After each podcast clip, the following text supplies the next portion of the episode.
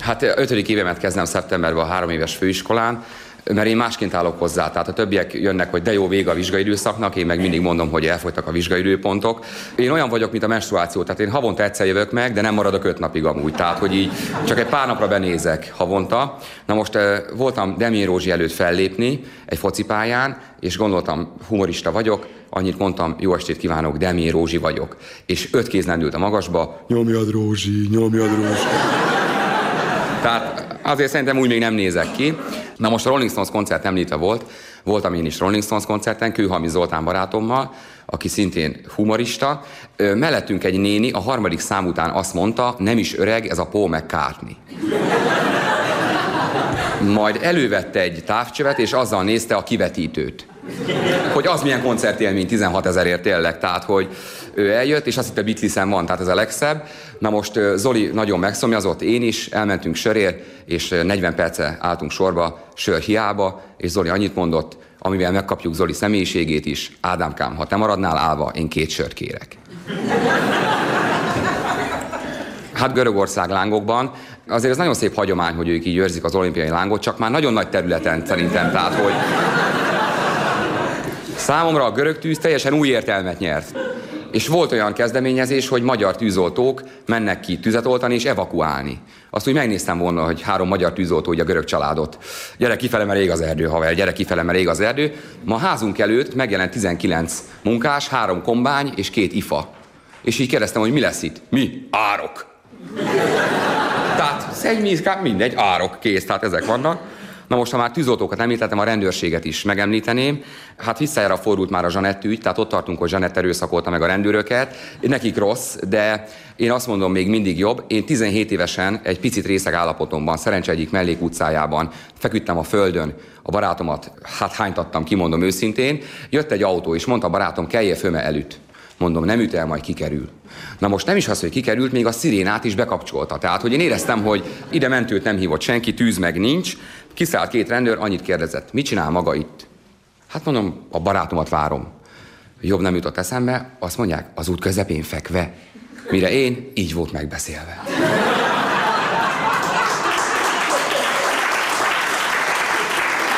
Értek, a, értek azért a budapesti rendőrökhöz is, Két évvel ezelőtt rákos rettentő nagyon messze egy házi buliból kijöttünk, és hajnal ötkor vártuk a éjszakai buszt, január 1-én, azért ez így, hát az nem jön.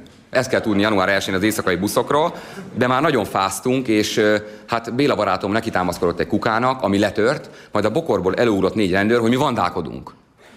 És mondtuk, hogy boldog új évet kívánunk mi is, nem vandálkodunk, csak várjuk az éjszakai buszt. Mi vandálkodunk, úgyhogy most azonnal bevisznek minket az őrsre. És Béla már szállt is be a kocsiba, én meg felkiáltottam, hogy végül is menjünk, mert onnan már jár a metró. És ha van egy apróska poénod, akkor békélnek a rendőrök. Hát a gödöllői főkapitány az, az, az szenzációs. Tehát ő, ő részegen, ittasan szolgálti autójával árokba fordult. Most van a kampány ugye, hogy öndönt iszik vagy vezet, hát ő iszik. Ezek vannak, ő iszik. Ő iszik is, meg dönt is, még autót is az árokba, úgyhogy, úgyhogy ezek vannak. Aktualitásaink következnek. Kiszeltűnne plastikáztat. Olvastam egy újságban, nem mondom a nevét, hot, borzasztó, megnevegye senki, tényleg. Annyira forró elhajítod, azt szoktam mondani tényleg. Arra jó, hogy eléges, de erre jó a hot magazin.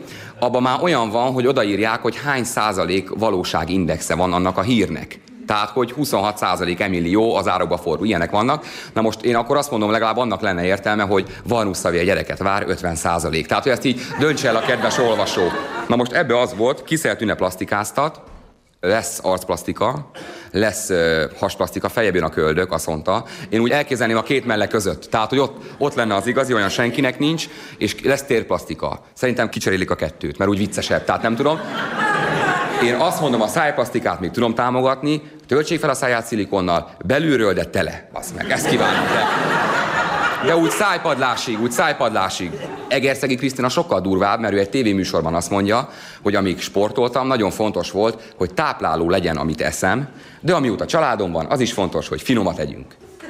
Hát ez így szöget ütött a fejembe, tehát hogy így elképzelem Megerszegi Krisztinát tíz évesen otthon, az anyja így nyomja bele a mákos sóskát, de nem ízlik, kussolsz majd, ha családod lesz, eszel finomat. Addig ezt a szar. Nem tudom, ezt hogy gondolta amúgy tényleg, tehát megdőlt a meleg rekord, haverom panelban lakik, ki sem mozdul, de csoki barna lett. Tehát, hogy azt mondta, hogy már nem tudom, hanyas faktorral kenjem az ablaküveged, vazzeg, mert már olvad, olvad a tükör. Az ő paneljukra kiírta a közös képviselőjük, váratlan meghibásodás miatt jövő hét szerdán nem lesz meleg víz. Olyan váratlanul ért minket a jövő hét szerda, tényleg, volt meleg felvonulás is, mentek a melegek, körülöttük mentek a rendőrök, a rendőrök másik oldalán meg a hidegek. És így kiabálták a hidegek, hogy mocskos, buszik, mocs, ez ment a meleg tüntetés, de megkérdezték a tüntetőket, a fele a rendőröknek kiabált, állítólag. Tehát, Most nem tudom, hogy én vagyok-e a hülye, vagy az élet. Megálltam egy benzinkúton, előttem állt egy fickó, azt kérdezte az eladó. Számla lesz? Mire mondta a fickó? Lesz. Milyen névre? Bársony, C, Z-vel.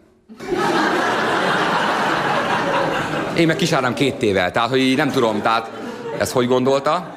Volt egy másik durva benzinkúti sztori, Megállok a benzinkúton, és hát hogyha mondjuk Nick Árpád és Fekete László egy éjszakára összejött volna, akkor az ő gyermekük állt a pult mögött. Ekkora volt, de tényleg nagyon nagy. Tehát egy 300 kg színizom, így feszült szét rajta a póló, te tarkopasz teljesen, és én éreztem, hogy ha egyet pislog, gerincem eltörik. Tehát ebben teljesen biztos voltam. Én próbáltam pénzt átadni és mozdulatlanul távozni, mint egy észrevétlenül, és rám nézett, és annyit mondtam, hatos kút. Más nem lesz! Én megmondtam, hogy kicsit csak a női hormon vazet tényleg, tehát hihetetlen, az Istenke ad és elvesz. Na most Szigeten én is voltam, természetesen Sziget Fesztiválon, elmentem a sátor elé, ahol felléptem, és én megkérdeztem a biztonsági őrt, hogy jók itt a műsorok? Tehát, hogy szoktak itt csak, ez egy szar, innen menjetek. Arra mentek, ott van tűz, meg ilyen lányok, tehát mondom, semmi probléma, egy 20 perc ma itt lépek föl. Betalált egy pultnál egy srác, és azt mondta, hogy hello, nem láttad a haveromat? Hát mondom, mégis hogy nézett ki, tehát valami támpontot. Ilyen ö, haja, haja volt, ö, depresszió póló volt rajta, depresszió, surranó, és a legfontosabb, kapaszkodjunk, és sört ivott. Kire mondod azt a szigeten tényleg, hogy nézd már sört iszik. A súranókat meg külön figyelem tényleg, tehát, hogy kinek milyen súranója van. Nem is ez a lényeg. Elmentem nyaralni, gondoltam, kiszakadok ebből az egészből, Magyarországból, állok a Ferihegyi repülőtéren, édesanyámmal, testvéremmel, majd megérkezik egy kis busz, buszból kiszáll Győzike, Evelyn, Virgi, Beja. Plusz 19 fő, a szűk család, tényleg. Tehát, hogy ők jöttek nyaralni. Be se telefonáltam sehova, és végül is győzikéken nyaraltam egy hétig.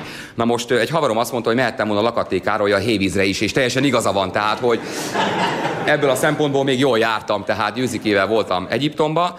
Hát egy ilyen nagy létszámú család, fogalmazunk így, nem halk egy rettiri váróteremben. Na most az egyik család három gyermektagját emelném ki, csak név szerint, szigorúan. Csinszi, az anyát köcsög így, gyere el a mozgó lépcsőtől.